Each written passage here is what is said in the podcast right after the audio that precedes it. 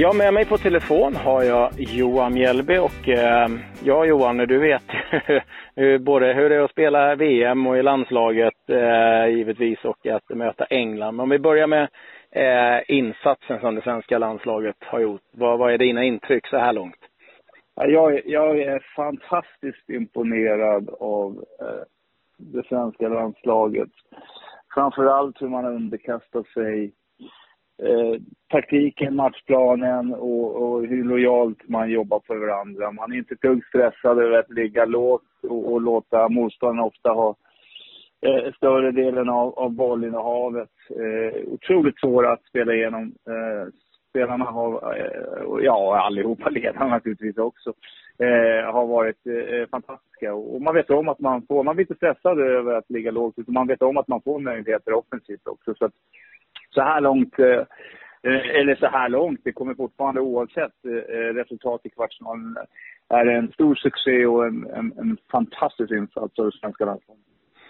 Man, man, kan ju någonstans tycka att det, liksom, jag menar, att, att det är det, för alla pratar om att det är enkla, det är liksom det, är det man gör, men eh, att det är det svåra. Men just, vad, vad, du har ju själv spelat, vad är svårigheten i just det att få alla, jag menar du har själv spelat, du var tränare, att, att dra åt samma håll, att liksom, att verkligen Eh, köpa den idén. Eh, vad har du för erfarenhet av det? Eh, nej, men, nej, men framförallt så, så handlar det om det här, det här eh, utan att, att känna Janne Andersson och utan att veta om riktigt exakt hur svenska landslaget eh, arbetar så, så, eh, så sattes det här redan i, naturligtvis i, i i kvalet. Eh, att man tydligt eh, jobbar med att laget är absolut det viktigaste. Att, att alla måste vara beredda att underkasta sig oavsett vilken spelartyp och, och man, man, är själv. Utan, utan, det handlar om, om att följa hela tiden de, de taktiska direktiven och, och eh, naturligtvis eh, vet vi om att Janne Andersson med, med sina klubblag också jobbar väldigt hårt med att, att, att sätta ett lag. Och, det ska ju inte vara, tycker jag. Det är ju ett problem naturligtvis. Det, det ser vi ju och det vet man ju själv om när man jobbar i, med lag. Att det, det är ju eh, lättare sagt än gjort att få alla att åt samma håll. Men, men, eh, jag själv naturligtvis, som, som, jag var som spelare och har spelat i lag, tycker naturligtvis att det var en självklarhet egentligen. Eh, för att jag menar, laget är absolut viktigast. viktigaste. Men framförallt tycker jag man har satt en, en förståelse från alla spelare också. Att man vet om att man inte har eh, individuellt sett kanske spelare so som kan konkurrera med åtminstone de bästa lagen. Utan, utan man är tvungen att, att gå tillbaka lite som egentligen den uppväxten jag hade. Att, att, att, att vi vet om att Sverige, om inte Sverige fungerar som lag har vi ingenting att hämta i stormästerskap. Däremot fungerar vi som lag och, och eh, jobbar stenhårt tillsammans så har vi chans att rubba de stora nationerna. Och, och Sverige är tillbaka på det just nu. och, och Eh, det ger den här framgången. Eh, det här är inte alls för att säga att vi har dåliga spelare, för så är inte fallet. Det här är ju naturligtvis jätteduktiga fotbollsspelare, så att det men det, här, det är laget framför allt och det är laget framför allt som har gjort den här resan och är nu i kvartsfinal, vilket är en hiskelig framgång. Du, alltså, du har ju varit på båda sidorna. Du, du har ju varit, jag menar, vi minns väl Argentina-matchen allihopa. Eh, där ni liksom eh, försvarade er liksom med, med allt ni hade. Men du har även liksom dina år i Celtic där du liksom varit spelförande liksom, och kanske stött på den här typen av motstånd. Hur, hur är det liksom? Vad, vad, vad minns du själv? Liksom, hur är det att möta sådana här lag som inte ger det en millimeter? Eh, oerhört frustrerande, eh, tufft.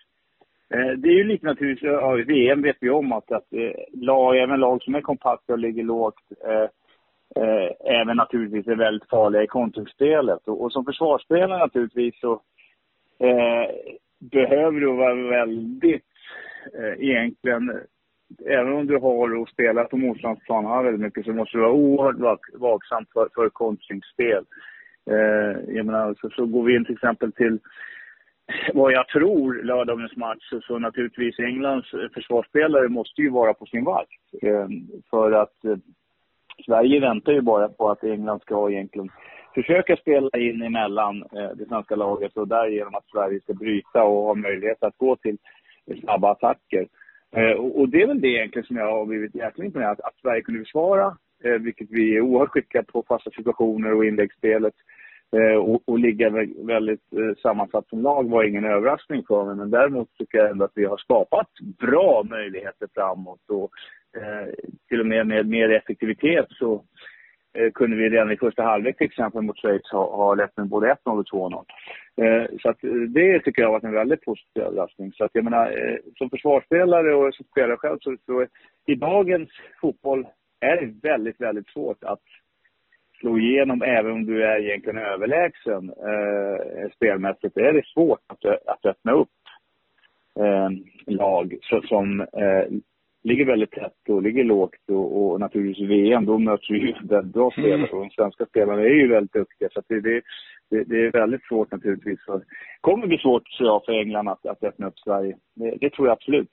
Och det är en utmaning för Sverige också. Det här engelska laget har ju väldigt mycket snabbhet. De har ju spännande spelare.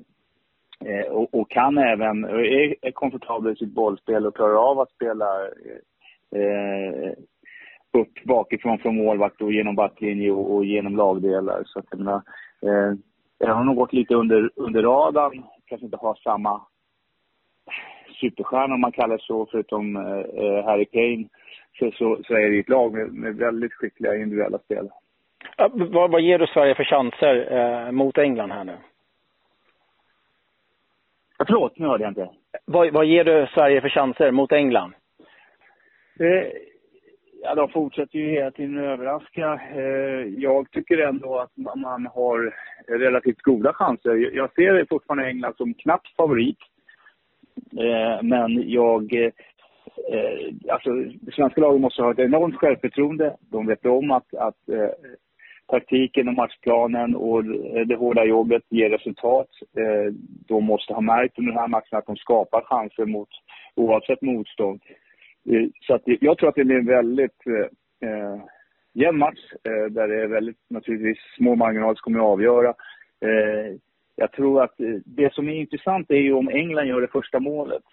Mm. Eh, Sverige har ju inte åkt på ett första baklängsmål i någon av matcherna och, och eh, det blir ju i sådana fall en, en, en ny och stor utmaning för Sverige. Men naturligtvis förhoppningsvis så blir det inte så fallet utan att eh, Sverige både kan eh, kontra sönder England och, klara av att, att ta ledningen och naturligtvis bevaka. Det, det är ju min stora förhoppning. Men eh, jag ser England som knappa favoriter men eh, eh, svenska spelare vet om också att eh, England eh, brukar vi ha relativt ändå eh, bra resultat mot.